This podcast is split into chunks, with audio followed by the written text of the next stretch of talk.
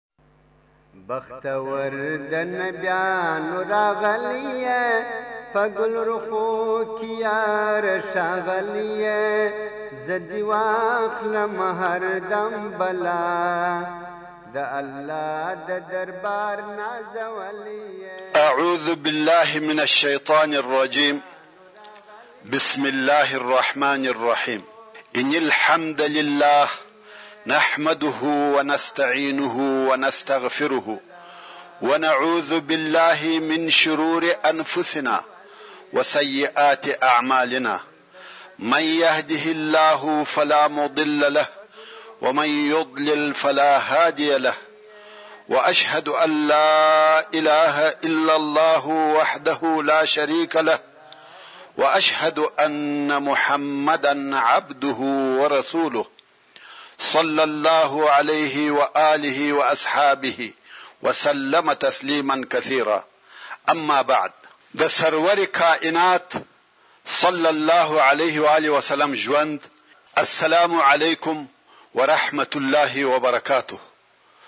محترمو وروڼو! په تېره کې موږ هغه قصه بیانول چې رسول الله صلی الله علیه و آله وسلم د بني نضیر و یهودو ته د دې لپاره ورغلی چې د هغه دوو نفرو په دیت کې کومک ورسره وکړي. خو یهودو د کومک په مقابل کې د ده صلی الله علیه و آله وسلم د وژلو نقشه او دسیسه جوړه کړه. خو رسول الله صلی الله علیه و آله وسلم د الهي وحيو په واسطه د دوی په خبيث نيت خبر کړه سو او د هغه ځای څخه په پټه خوله مدينې منورې ته ولاړی او بیا یې د مدينې منورې څخه محمد ابن مسلمه رضی الله تعالی عنه و يهودو ته ورولېږي چې و دوی ته ووایي رسول الله صلی الله علیه وسلم فرمایي، د مدینې منورې څخه ووځئ، دلته به نه اوسېږئ او تاسې ته مې لس ورځې مهلت درکړی دی، که مې تر لس ورځو وروسته ستاسې څخه هر یو په مدینه منوره کې ولیدی، د هغه سر ور پرې کوم. یهودو هم بې له بارېدو بله چاره نه درلوده، نو یې خپل بار او بنس سره تړل چې د مدینې منورې څخه ووځي. په دغه وخت کې عبدالله ابن ابی ابن سلول نفر ور ولېږل چې تاسې اوس څه کوئ؟ ثابت ودرېږئ، خپل وطن ولې پرېږدئ؟ زما سره دوه زره نفر راسره دي، زه هغه در لېږم چې ستاسې سره ستاسې په قلاوو کې درسره کښېني او دغه نفر ستاسې د ساتنې لپاره ځانونه وژني.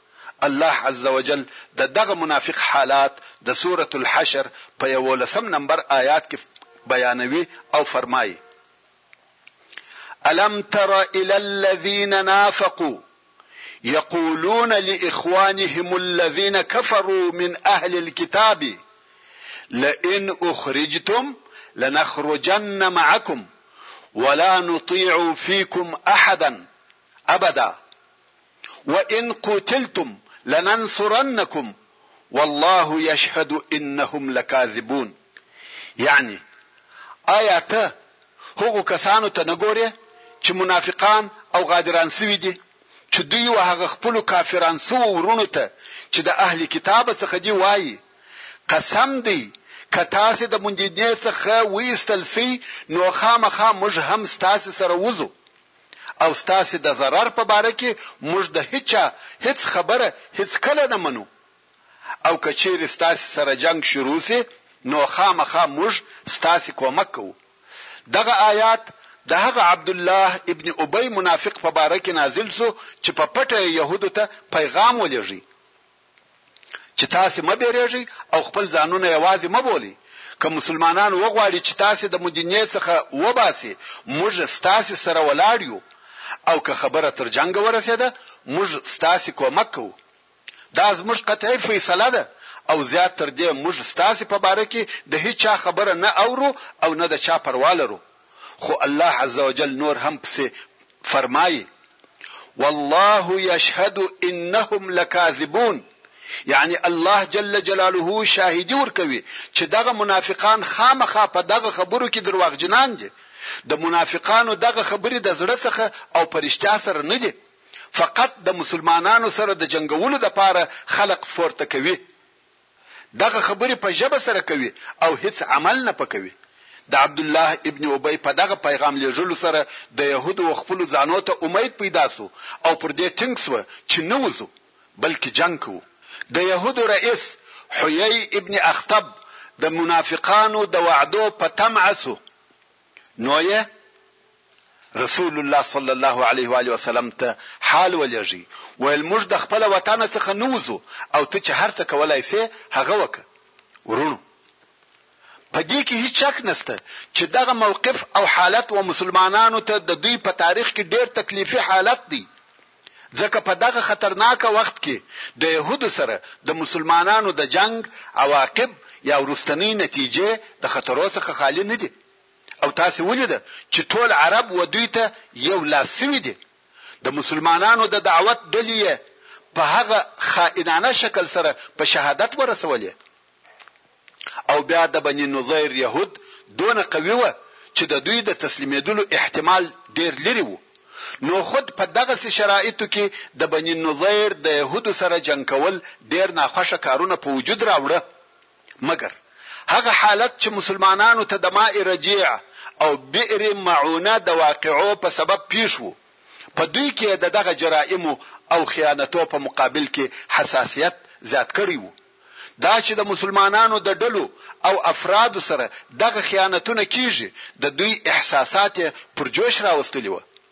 د خائنانو په مقابل کې د دوی د انتقام اخیستلو احساس دوه چنده شوی وو. نو ځکه یې د رایو په اتفاق دا تصویب کړه چې د بني نضیر د یهودو سره باید جنګ وشي،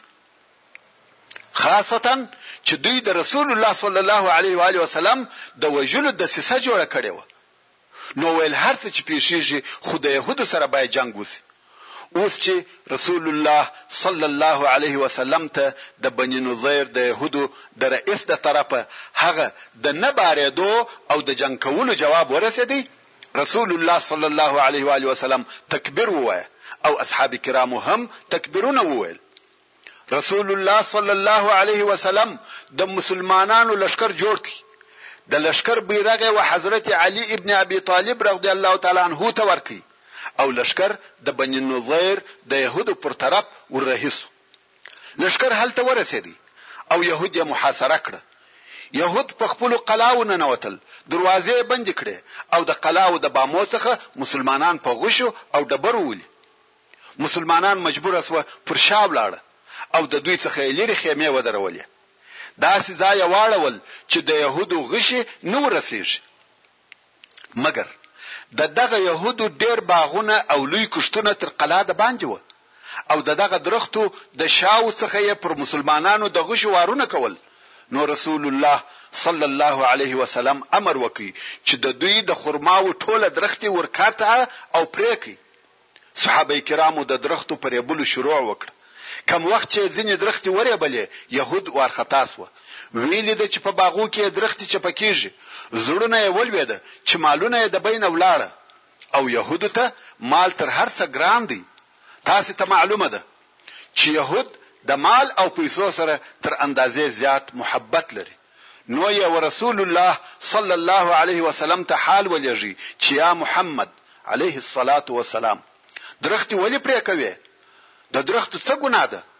رسول الله صلی الله علیه وسلم وفرمایل، یا به تسلیمېږي یا ټوله درختي پرې کوو. الله عزوجل په دغه باره کې د سورة الحشر په پنځم نمبر آیات کې فرمایي،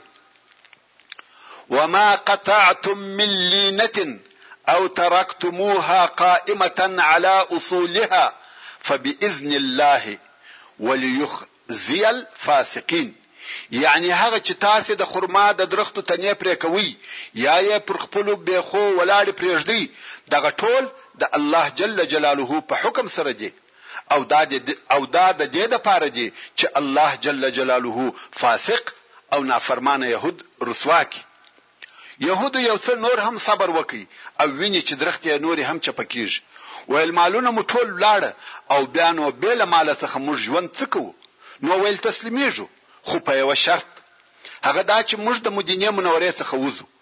مدینه پریږدو او هر هغه شی چې موږ یې زموږ د مالو څخه غواړو هغه راسره وړو. رسول الله صلی الله علیه وسلم وفرمایل ښه دی هر هغه شی چې پر اوښانو وړلای شي هغه در سره یوسئ مګر اسلحه به نه در سره وړي بې له اسلحې څخه چې بل هر شی در سره وړلای شي یو یې شي مقصد دا چې د بني نظیر د یهودو سره پر دې فیصله وسوه چې مدینه منوره به پرېږدي او جنګ ونسو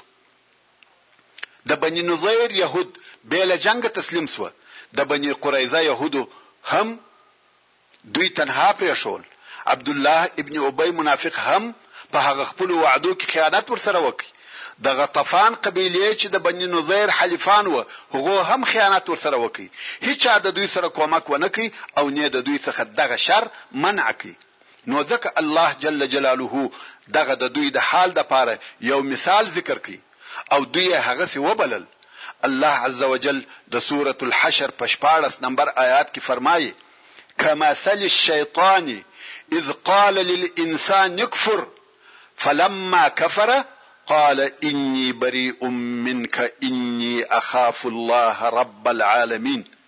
یعنی ددغه منافقانو مثال د وعدې په مخالفت کې داسې دی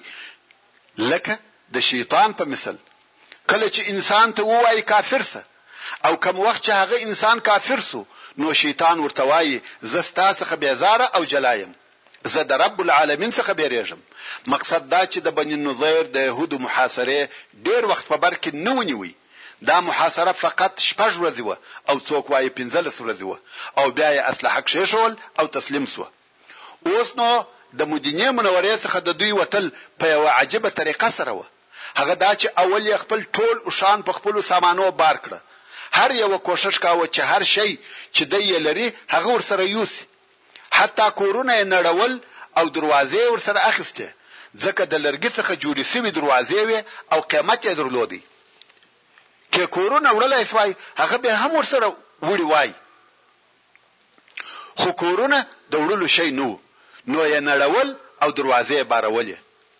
ټول هغه شیان چې په وسه یې پوره وه، هغه یې بار کړل. کوم وخت چې د تلو لپاره تیار شو،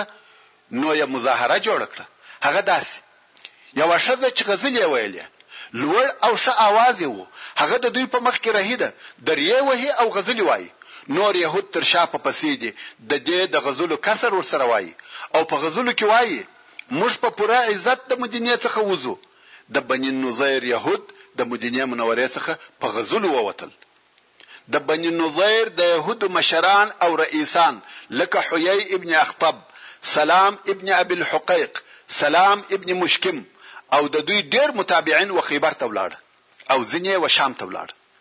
او په دوی کې فقط دوه نفره مسلمانان شوه چې يو يې يامين ابن عمرو او بل يې ابو سعد ابن وهب و دوی ته خپل مالونه او جايدادونه ورپاته شوه مګر هغه د یهودو مشران چې نومونه یې د مخه یاد کړه سوه، دغه کسان د یهودو د اشرافو اشراف وه چې د مدینې منورې څخه وایستل سوه. کوم وخت چې خیبر ته ورسېده، د خیبر یهودو یې په ډول او ډمامو استقبال وکړ او دوی یې تر ځان لوړ بلل، نو خود دوی د خیبر مشران او حاکمان وګرځېده. دغه درې نفره چې د مدینې منورې څخه وایستل شوه دوی وه چې احزاب یې سره راټول کړه. کوم وخت چې موږ د خندق غزا وایو د دغه جنګ لپاره چا احزاب یا مختلفې ډلې سره راټولې کړې دغه درو نفرو، حیی ابن اخطب،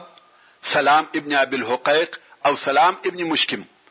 دغه د یهودو مشران چې د خپله قومه سره د مدینې منورې څخه په دغه ډول سره وایستل شوه دوی د خندق جنګ په وجود راوړی او دوی وه چې هغه جنګ یې د مسلمانانو پر ضد جوړ او ترتیب کړي خیر د دغه واقعې حالات به پر خپل وخت په تفصیل سره درته بیان شي اوس چې د بني النضير يهود د مدينې منورې څخه ووته، رسول الله صلی الله علیه وسلم د دوی اسلحه، د دوی پاته مالونه، د دوی غیر منقوله جايدادونه لاس ته راوړه. د اسلحې په جمله کې. پنځوس زغري، پنځوس خوله او درې سوه څلوېښت توري وې او د یهودو غیر منقول مالونه لکه مځکې او باغونه، کورونه او قلاوې و مسلمانانو ته پاته شوه چې دغه پاته مالونه ډېر زیات مال او جایداد وو او مسلمانانو د هغو مالونه بې له جنګه، بې له سفره او بې له ستړیاوو ځینې واخیسته. چې و دغه ته فی ویل کیږي. فی په اسلام کې د کفارو و هغه مالو ته ویل کیږي چې مسلمانان یې بې له جنګه د کفارو څخه اخلي او غنیمت بیا هغه مالو ته ویل کیږي چې د کفارو څخه په جنګ کې اخیستل کیږي.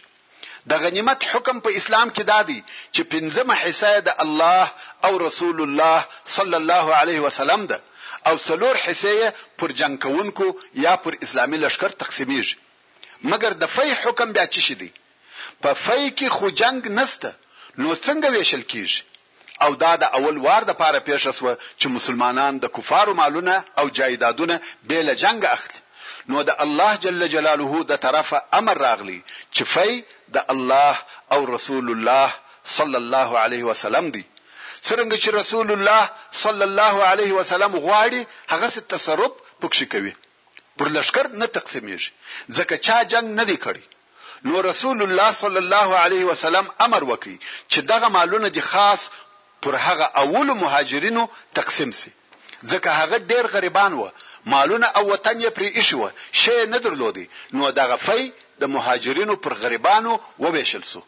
فقط په انصارو کې یې و ابو دجانه او سهل ابن حنیف رضی الله تعالی عنهما ته حصه ورکړه ځکه هغه هم ډېر غریبان وه او د دغه فی څخه د رسول الله صلی الله علیه وآله وسلم د کال نفقه هم اخیستل کېده او پاته شی یې پر اسلحه او جهاد فی سبیل الله مصرفېدی.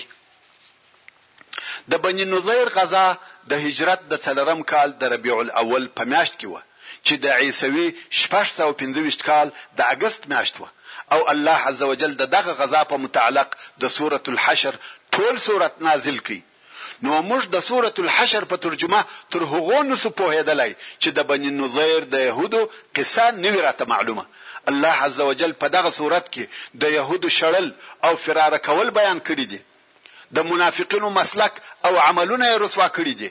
د فی احکام یې بیان کړي دي، په دغه صورت کې یې د مهاجرینو او انصارو صفت کړی دی او دا یې روښانه کړي دي چې د دښمن په مځکه کې د حربي مصلحت لپاره د درختو سوځل او ریبل جائز او روا دي،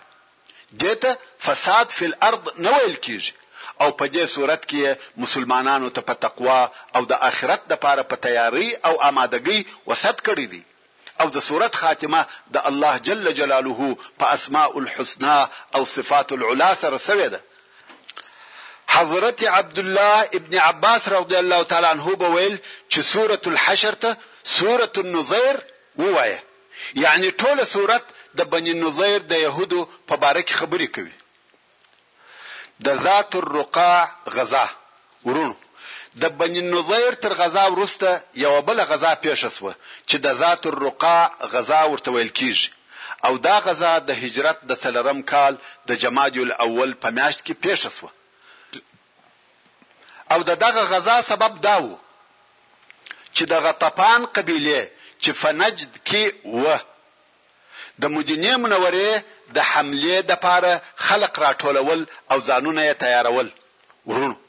تاسې ښه پوهېږئ چې د کفارو دغه ټول تجاوزونه او حملې د احد د جنګ په سبب وې، ځکه د کفارو د ټولو قبیلو امید پیدا شو چې پر مسلمانانو حملې وکړي، او غنیمتونه ځینې یوسي، ځکه د دوی په فکر مسلمانان د احد په جنګ ضعیفه شوي دي، نو غطفان چې په نجد کې هغه ډېره لو قبیله وه د هغو هم امید پیدا شو چې پر مسلمانانو حمله وکړي، کوم وخت چې د مدینې منورې استخباراتو دا خبر ورسول الله صلی الله علیه وآله وسلم ته ورساوه نو رسول الله صلی الله علیه وسلم یو لوی لښکر جوړ کړ او په خپله رسول الله صلی الله علیه وسلم پر غطفان د حملې اراده د دې لپاره وکړه چې هغه خطر په خپله ځالګۍ کې د بینه یوسي او د مسلمانانو لښکر د نجد او غطفان پر طرف رهي شو. هلته بیا غطفان هم دونه لښکر جوړ کړی و چې شمېر یې د مسلمانانو د لښکر څو چنده و او دواړه لښکره مخ په مخ سره ودرېدل. مګر دواړه طرفه یو د بل څخه بیریږي، یو لښکر پر هغه بل لښکر د بیري په سبب حمله نشي کولای. کفار د مسلمانانو د جرئت او دلاوري څخه بیریږي او مسلمانان د هغو د ډیروالي څخه بیریږي. په زرو زرو نفر دي، څو ورځي لښکري مخ په مخ سره ولاړي دي، یو پر بل حمله نه کوي. هر یو د هغه بل په انتظار هر یو د هغه بل انتظار کوي چي هغه به حمله شروع کړي او جنګ به شروع شي. خو یو هم پر هغه بل حمله نه کوي، مګر عادتاً به مسلمانان د لمانځه پر وخت لمونځ کاوه. نو کفارو سره وویل چې د حملې لپاره ښه او مناسب وخت د لمانځه وخت دی، کوم وخت چې مسلمانان لمونځ کوي موږ به حمله پر وکړو. واقعاً هم غطفان ځانونه تیار کړه چې د راتلونکي لمانځه پر وخت پر مسلمانانو حمله وکړي. په دغه وخت کې د الله جل جلاله د طرفه د صلاة الخوف یعني د بیرې د لمانځه د ادا کولو آیاتونه نازل شوه او تر دغه وروسته مسلمانانو د صلاة الخوف پر طریقه لمونځ کاوه هغه داسې چې ځینو مسلمانانو به د رسول الله صلی الله علیه وسلم سره په جماعت لمونځ کاوه او ځینې به د دښمن مخ ته ولاړ وه، د لمانځه پر نیمایي به دغه لمونځ کوونکي د دښمن و طرف ته ولاړه او هغه نور به راغله د رسول الله صلی الله علیه وسلم سره به هغه پاته لمونځ په جماعت وکړ غطفان په فکر کې شوه چې اوس څنګه وکړو ځینې مسلمانان پر لمانځه ولاړ دي او اسلحه ورسره ده او ځینې نور یې د دوی ساتنه کوي. څو ورځې نورې هم پر دغه طريقه تېرې شوې څو الله جل جلاله د غطفان په زړو کې بېره ور واچول، ميدان جنګ يې پرېښاوه او سره وپاشل شوه. رسول الله صلی الله علیه و آله وسلم څو ورځې نور هم په غطفان کې پاته شو او بيا مدينې منورې ته رهي شو. اوس چې مدينې منورې ته رهي شو پر لارې يوه کوچنۍ حادثه پېښه شوه. هغه دا چې د غطفان د قبیلې څخه یوه نفر قسم یاد کړ چې د مسلمانانو څخه به تر هغو را و نه ګرځم تر څو وینې پکښې و نه بهوم چې یو د مسلمانانو زخمي یا مړ نه کړم د مسلمانانو لښکر رهي دی او دی تر شا په پسې دی د مسلمانانو هم پروا نه پکېږي ځکه یو نفر پر لارې رهي دی شاید یو کار به لري کوم وخت چې شپه شوه، مسلمانانو یو ځای واړول او خیمې یې ودرولې، رسول الله صلی الله علیه وسلم وفرمایل، څوک نن شپه پیره کوي؟ د اصحاب کرامو څخه دوو نفرو دا کار پر ذمه واخیست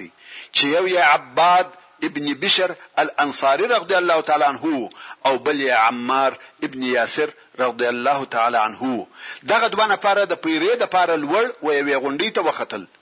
ځکه مسلمانان په خیمو کې دي او دوی چې لوړ وي نو هر څوک چې د هره طرفه راځي دوی یې ویني. دلته دغه دوو نفرو شپه سره ووېشل. عباد ابن بشر رضی الله تعالی عنه د شپې اوله حصه واخیسته او عمار ابن یاسر رضی الله تعالی عنه د شپې آخره حصه واخیسته. عمار ابن یاسر رضی الله تعالی عنه څنګه واچاوه چې هوسا سي او عباد رضی الله تعالی عنه ودرېدی لمونځ کوي. لمونځ کوي او بیا شاوخوا ګوري چې څوک مسلمانانو ته ورنه شي. شپه تاریکه ده، چپه چپایي ده، نه کوم حرکت وو نه ږغ، نو یوه خپل لمانځه ته نور هم دوام ورکړ. هغه کافر چې قسم یې یاد کړی وو هغه کرار کرار ور نږدې شو او دغه نفر یې ولید چې ولاړ دی، کافر پوه شو چې دا د مسلمانانو پیره دار دی، نور هم ور نږدې شو، دونه اندازه ور نږدې شو چې د هغه ځایه څخه یې په غشي ویشتلای شي. نو یې غشی او لیندۍ ورته برابر کړ، عباد یې په غشی وویشتی، غشی د عباد پر اوږه وموښتی، عباد نه غواړي چې لمونځ یې قطع شي، نو غشی یې د اوږې څخه وایستی او ویې غورځاوه، نور هم لمونځ پسې پوره کوي،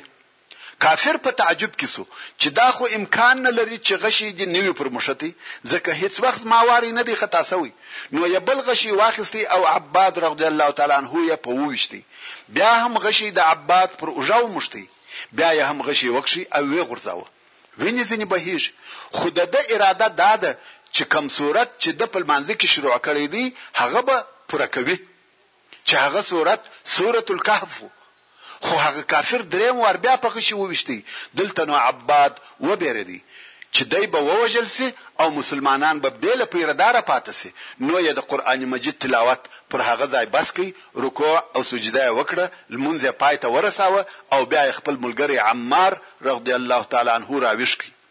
عمار ولیده چې د ملګري څخه یې وینې بهیږي، ویل، خیر څه درته پېښه ده؟ عباد رضی الله تعالی عنه وویل، په غشیو یې وویشتم. عمار ویل، زه دې ولې په هغه اول وار نه کړم ویښ؟ عباد ویل، ما د قرآن کریم یو سورت وایه، دا مې نه وه خوښه چې هغه سورت پر مابین پرېږدم.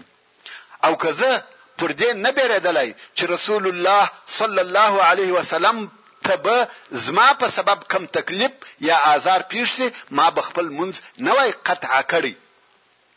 وروڼو!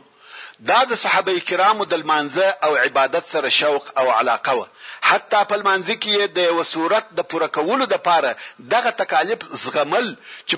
چې په غشو ویشتل کېده، دوی پروا نه په کول. هغه کافر چې دغه حال ولید چې پر دې خلقو غشي هم تاثیر نه کوي نو بیرته ولاړ. وروڼو! ایمان چې په زړو کې ځای ونیسي نو انسان کوښښ کوي چې قرآن مجید ته د هغه حق ورکړي او دغه قرآن د انسان په زړه کې دونه خوږ او شیرین شي چې د انسان څخه خپل ځان هم هیر شي دا د ذات الرقاع د غزا قصه وه او دا چې د دې غزا نوم ذات الرقاع کښېښول شو د دې لپاره علماء کرامو ډېر سببونه ذکر کړي دي خو مشهور سبب یې دا دی چې اصحاب کرام ډېر غریبان وه د پښو لپاره یې د بوټ یا څپلۍ قدرت هم نه درلود او هوا هم ډېره ګرمه وه نو یې پر پښو ټوکران تړل چې په عربي کې دغه ټوکرانو ته رقاع ویل کېږي نو ځکه د دغه غزا ته غزوة الرقاع وویل شوه. د بدر دوهمه غزا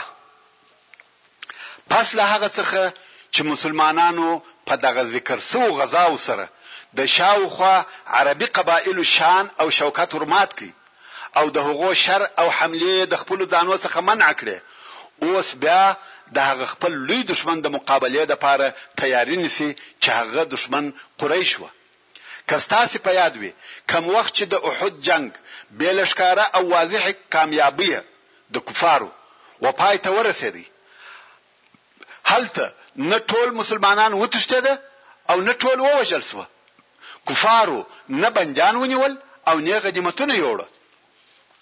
ابو سفیان د جنګ په اخري لحظو کې ورسول الله صلی الله علیه و آله وسلم ته وویل، په راتلونکي کال کې زموږ او ستاسې په بدر کې مقابله ده او رسول الله صلی الله علیه وسلم هم قبوله کړه، نو دا وعده سوه چي مسلمانان او کفار به په راتلونکي کال کي د جنګ د پاره په بدر کي سره یوځای کیږي. اوس کال تیر سو او د قریشو سره هغه وعده سوی موعد را ورسیدی. نو دا پر رسول الله صلی الله علیه وسلم او مسلمانانو لازمه وه چي د ابو سفیان او د هغه د قوم سره د مقابلې د پاره وبدر ته ووځي او یو وار بیا د جنګ ژرنده وڅرخوي. دا د پاره د دې چې حاکمیت او قرار و هغه ډلې ته پاته شي چې هغه د بقا او پاته کېدو وړ او لایق وي چې دغه غزا ته د سیرت په کتابو کې غزوة بدر الثانیه یا غزوة بدر الاخره ویل کېږي. نو د هجرت د څلرم کال د شعبان په میاشت کې چې د میلاد شپږ سوه شپږ ویشت کال او د جنوري میاشت وه، رسول الله صلی الله علیه وسلم د خپلې وعدې سره مطابق د یو زر پنځه سوه نفرو سره د بدر و طرف ته رهي شو. د مسلمانانو د د بیرغ اخیستونکی علي ابن ابي طالب رضی الله تعالی عنه وو او د مسلمانانو سره په دې لښکر کې فقط لس آسه ورسره دي. رسول الله صلی الله علیه وسلم د خپل لښکر سره وبدر ته ورسېدی او هلته یې واړول د کفارو د لښکر د راتګ په انتظار دی مګر ابو سفیان دا وار د دوو زرو مشرکانو سره د مکې مکرمې څخه راووتی او پنځوس آسه ورسره دي خو ابو سفیان بیریږي خاصتاً چې هغه خبرونه یې اوریدل چې رسول الله صلی الله علیه وسلم شاوخوا نورو قبایلو ته وروځي او هغه قبیلې تښتي او مسلمانان غنیمتونه ځنې وړي نو ابو سفیان اصلاً د مکې مکرمې څخه د بیري سره راووتی تر څو چې و مجنه ته ورسیدی او هلته یې واړول مجنه یو اوبه وې چې د مکې مکرمې څخه د یوې ورځې د تګ پر اندازه لیرې وې اصلا ابو سفیان د مکې مکرمې څخه وارخطا راوتلی و، د مسلمانانو سره یې د جنګ په نتیجه کې فکر کاوه، کرار کرار یې نوره هم بېره په زړه ننوتل، تر څو چې د ده پر ټولو حواسو بېره غالبه شوه. اوس چې و عسفان ته نږدې شو، هغه عزم او اراده یې په کلي ډول سره مات شوه، اوس د بېرته ګرځېدو لپاره یوه حیله او بهانه جوړوي. نو د خلقو په مابین کي ودرېدی او ویل، یا معشر قریش! د جنګ کولو د پاره آباد او باراني کال په کار دی، چي حیوانات مو واښه او بلګونه وخوري او تاسي د حیواناتو شیدې وڅښي، خو دغه اوسنی کال وچ او بې بارانه دی، درځئ چي بیرته وګرځو، اوس د جنګ د پاره مناسب وخت نه دی. داسې معلومېده چې د مشرکانو د لښکر پر زړو او احساساتو هم بېره غالبه شوې وه، ځکه هیچا د دغه رأی مخالفت ونه کړ او هیچا د مسلمانانو سره پر جنګ کولو تاکید او اصرار ونه کړ. ټوله په دغه فیصله راضي وه او د مکې مکرمې پر طرف رهي شوه. مګر مسلمانانو اته ورځې په بدر کې د بدر د اوبو سره تېرې کړې او د دښمن د راتګ انتظار یې کاوه، خو قریش نه راغله. نورو قبیلو هم ولیده چې مسلمانان د وعدې ځای ته ورغله، مګر قریش بیرته ولاړه. هلته چې ابوسفیان د بیرته ګرځېدو په فکر کې و او نې غوښته چې خلق په دغه بیرته ګرځیدو پیغور ورکړي نو غواړي چې د ده تر بیرته ګرځیدو د مخه داسې یو کار وکړي چې رسول الله صلی الله علیه وسلم بیرته وګرځي نو یې نعیم ابن مسعود چې د اهل مکې څخه وو او تر دغه وخته پر هغه خپل شرک وو ورسول الله صلی الله علیه وسلم ته ورولېږي. چې رسول الله صلی الله علیه وسلم په خبرو وبېروي،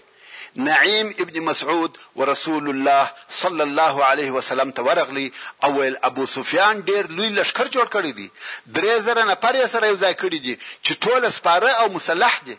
داسې او داسې، غواړي چې رسول الله صلی الله علیه وسلم وبېروي، مګر. رسول الله صلی الله علیه وسلم د ټولو خبرو په جواب کې ورته وویل، زه په انتظار یم. د ابوسفیان دغه کار هم فایده ونه کړه او رسول الله صلی الله علیه وسلم څو ورځې هلته په بدر کې پاته شو تر څو چې ټولو عربو دغه خبر واورېدی چې مسلمانان پر خپل موعد بدر ته ورغله خو ابوسفیان او قریش نه ورغله چې په دغه طریقه سره اسلام او مسلمانان قوي معلوم سوه او د مسلمانانو څخه بېره او هيبت نور هم د کفارو په زړو کي زيات سو. په دغه غزا کي کومه خاصه واقعه نه سوه پېښه بې له دې څخه چي د هغه قبيلو څخه چي دلته اوسېدلې چي هغه د بني زمره قبيلې وې يو نفر چي د دغه قبيلو مشر او رئيس وو او نوم يې مخشي ابن عمرو الضمري وو چې موږ یې د مخه بیان درته کړی دی چې د ده او د رسول الله صلی الله علیه وسلم په مابین کې د صلح او نه تعارض معاهده شوې وه، اوس چې رسول الله صلی الله علیه وسلم څو ورځې دلته تېرې کړې نو دغه مخشي چې د دغه قبیلو مشر و ورسول الله صلی الله علیه وسلم ته ورغلی او په ډېره بې ادبي سره یې ورسول الله صلی الله علیه وسلم ته وویل، یا محمد! ته د قریشو سره د جنګ د پاره زموږ اوبو ته راغلی یې؟ چې د خبرو مقصد یې دا وو چې ته څنګه زموږ بې اجازې دې ځای ته راځې؟ رسول الله صلی الله علیه وسلم وفرمایل، هو! که دې خوښه وي هغه ستا عهد او جوار به بیرته و تاته درکړو او جنګ به درسره وکړو. مخشي په دې خبره سره وبیرېدی ویل، یا محمد صلی الله علیه وسلم! و دې ته ضرورت نشته چې هغه زموږ عهد مات شي. زه پر هغه خپله وعده یم. دا د اسلام شان او شوکت، عزت او هیبت و چې ورځ په ورځ زیاتېدی او خلک ځینې بېرېږي. د دومة الجندل غزا، رسول الله صلی الله علیه و آله وسلم د بدر څخه بېرته مدینې منورې ته ولاړی، په ټوله اسلامي منطقه کې یو وار بیا امن او سلامتیا قائمه شوه، اسلامي دولت په امان او اطمینان سره شپې او ورځې تېروي. دلته نو رسول الله صلی الله علیه وسلم ودې ته فارغ شو چې د عربو وهغه لیرو حدودو ته متوجه شي د پاره د دې چې د مسلمانانو تسلط او سیطره زیات شي او د مسلمانانو په موقف دوستان او دښمنان اعتراف وکړي د بدر د دوهمې غزا شپږ میاشتې تیر تیرې شوې او رسول الله صلی الله علیه وسلم په مدینه منوره کې دی څو بیا خبر ورته راغلی چې کومې قبیلې چې د دومة الجندل پر شاوخوا دي هغه په لارو کې دریږي او هر څوک چې پر دغه لارو تیریږي هغه شکوي یعنې لوی لارې یې نیولي دي او غلاوې کوي او په عین وخت کې یې د مدینې منورې د حملې لپاره یو لوی لښکر هم سره یو ځای کړی دی وروڼو دومة الجندل د مدینې منورې څخه ډیر لیرې وو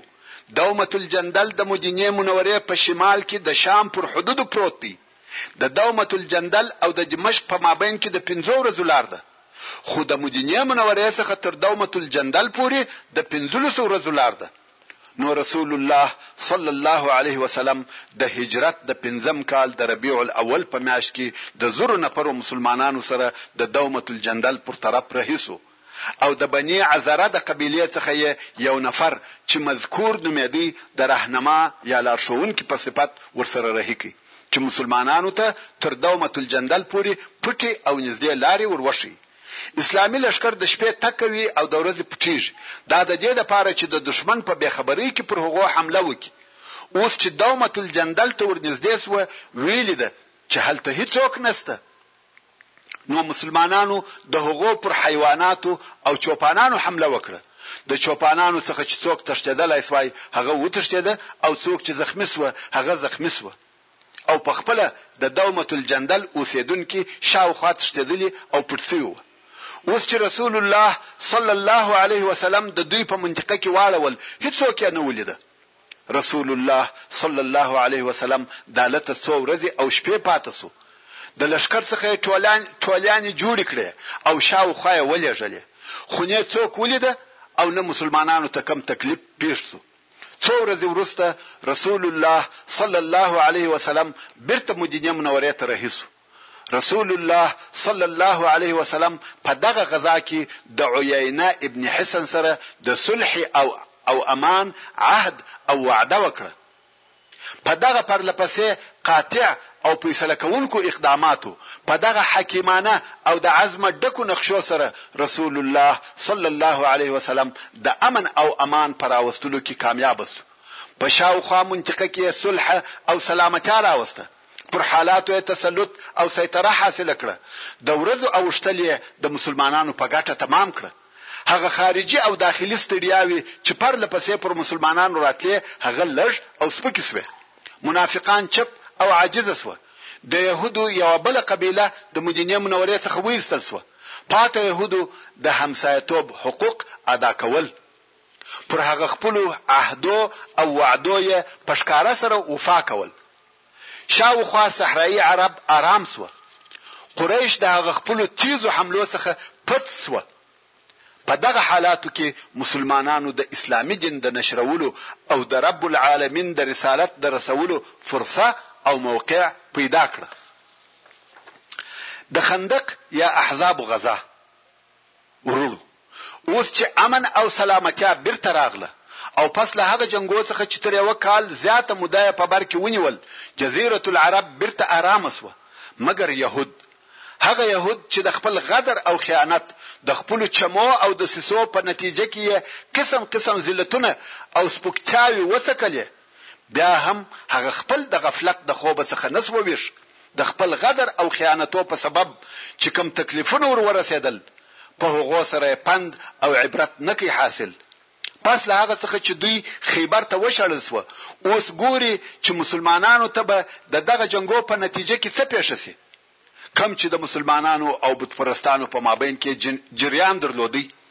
کوم وخت چې یې ولید چې د ورځو تېرېده د مسلمانانو په ګټه تمامېږي، د وخت په دېرېدو سره د دوی نفوذ نور هم زیاتېږي، د دوی سلطه نوره هم قوي کېږي، نو دغه یهود د حسد په اور کې داسې سوځل کېده لکه پر سکروټو چې پرله اوړي. نو یې څه وکړه؟ بیرته د سره څخه یې په خپلو دسیسو او مؤامرو شروع وکړه. نو یې د یوې داسې حملې د کولو د پاره د ترتیباتو په نیولو شروع وکړه چې هغه د مسلمانانو پر ضد وژونکې او فیصله کوونکې حمله وي او تر هغې حملې وروسته اسلام او مسلمانانو ته د ژوند کولو موقع نه سي پاته. وروڼو! ښه متوجه شئ، نن ورځ هم هغه یهود دي، حتی نصارا هم د دوی د لاس آله ګرځېدلي دي، د دوی ټولو دسیسې و اسلام او مسلمانانو ته متوجه دي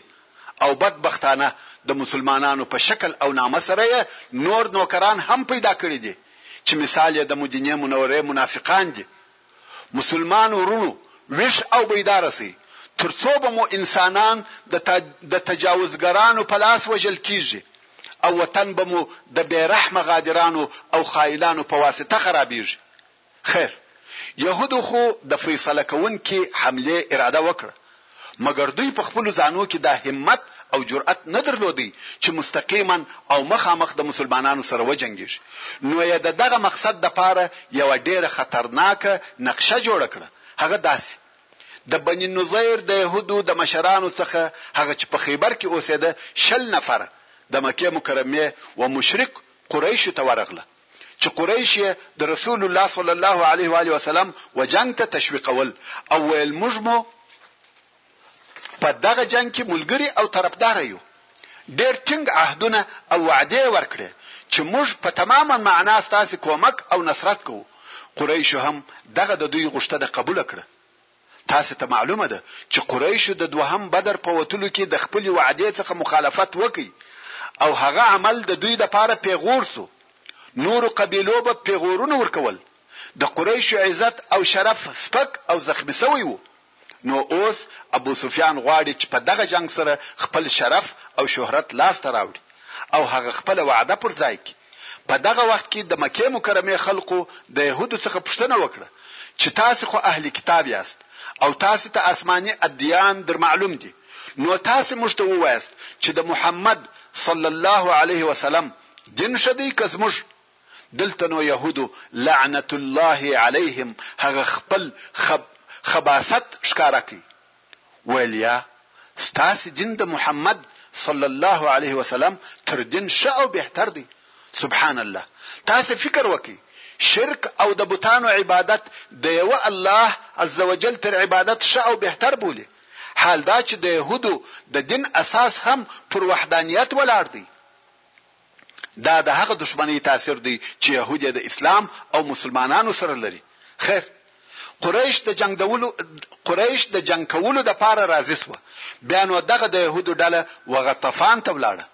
غطفان خو هغه څوک دي چې رسول الله صلی الله علیه وسلم د هغو منطقې او قبیلو ته ورغلی و او دوی وتښتېدل،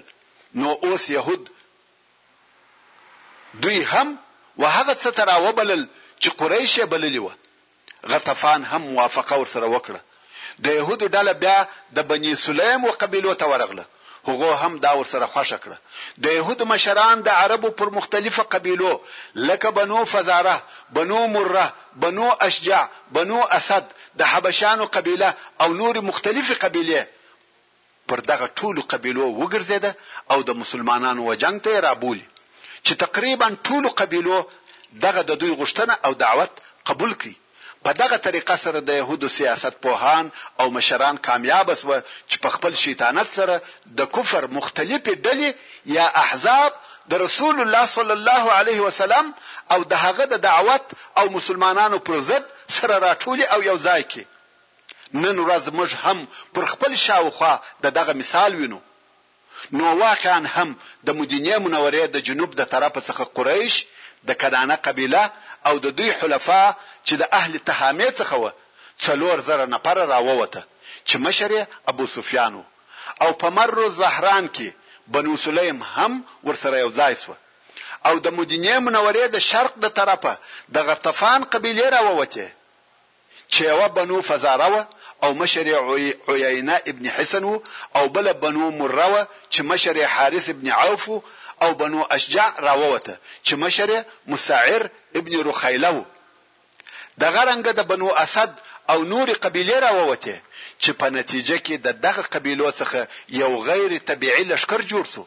چې په ټوله جزیرة العرب کې د اول وار لپاره په دغه اندازه انسانان او لښکر سره یو ځای کیږي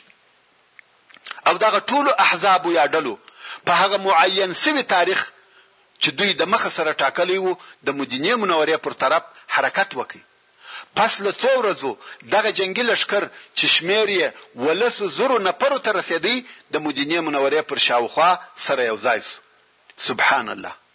شاید د دغه لښکر شمېر او عدد تر هغه ټولو انسانانو چې په مدینه منوره کې اوسېده، که نر وه که ښځې، که کوچنیان وه که لویان، که زاړه وه که ځوانان، زیات و. که چېرې دغه سره یو ځای شوي ډلې او دغه مسلح لښکر په بې خبرۍ سره د مدینې منورې و قلاوو ته رسېدلی وای، دا به د مسلمانانو پر کیان او وجود یو داسې لوی خطر وای چې حد او اندازه یې زه نه شم بیانولی. ممکن د مدینې منورې ټول انسانان او کښتونه یې په یوه وار نیست او نابود کړي وای، مګر هلته یو ویښ او بیداره قیادت موجود و، چې همیشه بې ګوتې پر هغه غورځېدونکو رګو پرتې وې، د حالاتو معلومات یې کاوه او د حالاتو د خطر اندازې یې سنجولې. دغو لښکرو د هغه خپلو ځایو څخه حرکت نه و کړی چې د مدینې منورې استخباراتو و خپل قائد اعلی صلی الله علیه وسلم ته د دغه خطرناک حرکتو حالات ورسول. رسول الله صلی الله علیه وسلم پوه شو چې د دغه ډلو یا احزابو مقصد مدینه منوره ده.